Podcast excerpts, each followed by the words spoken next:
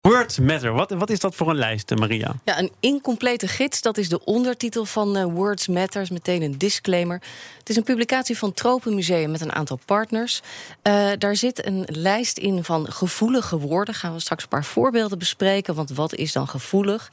Uh, maar er zitten ook essays in van mensen die zich bezighouden met kunstcollecties, die voor musea werken. En die iets vertellen over ja, waar ze tegenaan lopen en welke afwegingen ze maken bij hun woordkeuze. Het is geen geen Bijbel, maar bedoeld ter inspiratie. Ja, maar goed, eh, je kunt hem als inspiratie gebruiken. Tot het moment dat uh, er verschillende politieke partijen zijn die zeggen: inspiratie goed en wel, we gaan het gewoon verplichten.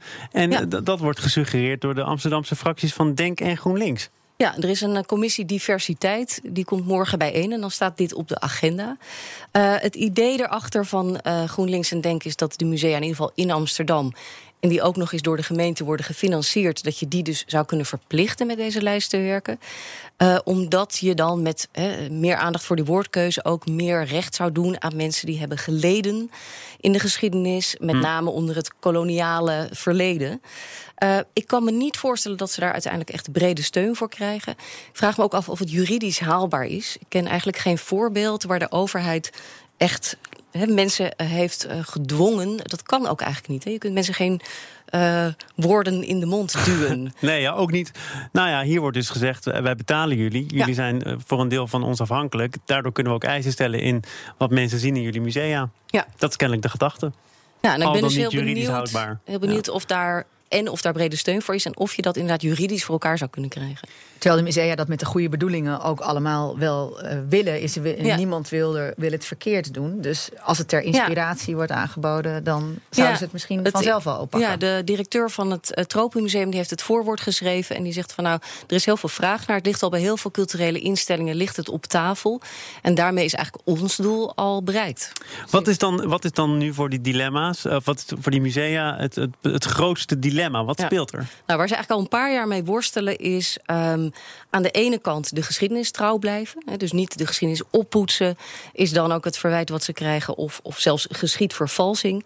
En aan de andere kant uh, de taal en de woorden blijven gebruiken van, uh, ja, van de koloniale machthebbers bijvoorbeeld.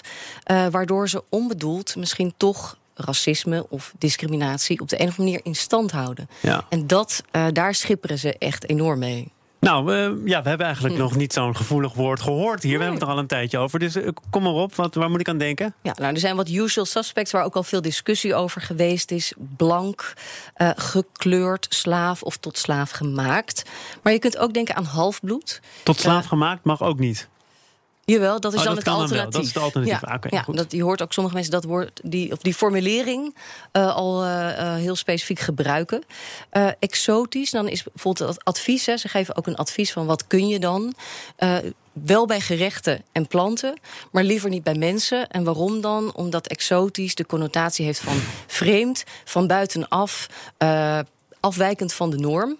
En dat maakt dan zo'n woord nou, gevoelig. Oké, okay, uh, zijn we ook niet heel erg gevoelig uh, geworden ondertussen? Want ik kwam bijvoorbeeld tegen, ik wist, dat wist ik helemaal niet. Ik heb toch geschiedenis gestudeerd, maar uh, Eskimo, ook gevoelig hè? Ja, ja, okay. uh, de, de grote gemene deler is dat uh, bij heel veel van dit soort uh, termen is het ras of afkomst. En ah, okay. dat ligt gevoelig bijvoorbeeld omdat de taal nog stamt uit een tijd dat het Europese ras als verheven werd gezien. En daarvan zeggen de musea, ja, misschien zijn de voorwerpen in ons museum niet. Die zijn tijdloos, maar onze taal en het perspectief wat wij bieden is niet tijdloos. Um, nu is het ook zo dat die omgang met gevoelige woorden en hoe musea dat dus eigenlijk uh, inpassen in hun tentoonstellingen bijvoorbeeld, dat heeft ook een zakelijk belang. Ja, eigenlijk is het Tropenmuseum daar wel een mooi voorbeeld van, omdat zij een paar jaar geleden echt op het nippertje gered zijn, uh, hebben hun, uh, ja, hun werkwijze onder loep genomen, zijn met andere partners gaan samenwerken. dus zij zeggen ook, ja, taal is gewoon ook een marketingtool. Um, hoe wij een tentoonstelling aankondigen, welke titel we het geven, maakt uit voor welk publiek we trekken.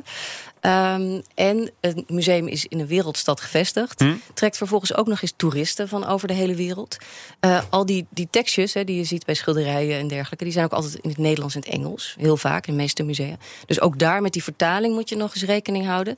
um, ja, dus je kunt het niet permitteren om je niet met je woordkeus bezig te houden. Ik zag wel dat ze iets uh, slims hebben gedaan. Want uh, nou, voor de bühne, dus voor mij, als, we, als ik binnenkom, dan zie ik dat ze uh, die leidraad hanteren, hè, Words Matter. Maar als mhm. ik bijvoorbeeld op de site ga zoeken of in hun uh, catalogus op zoek naar bijvoorbeeld Eskimo, dan kom ik het wel tegen. Ja. Maar heel bewust, hè, doen ze dat. Nee, dat doen ze heel bewust. Dat zeggen van het moet vindbaar zijn. Uh, vanuit die gedachte van je moet uh, weten wat de taal en wat, de, wat het perspectief, wat destijds de norm was. Dus je kunt het online terugvinden, maar dan fysiek dus niet meer altijd. nou, slim gevonden. Misschien dat daar wel brede steun voor komt. Dankjewel, Maria Punch, taalwatcher. Tot over twee weken.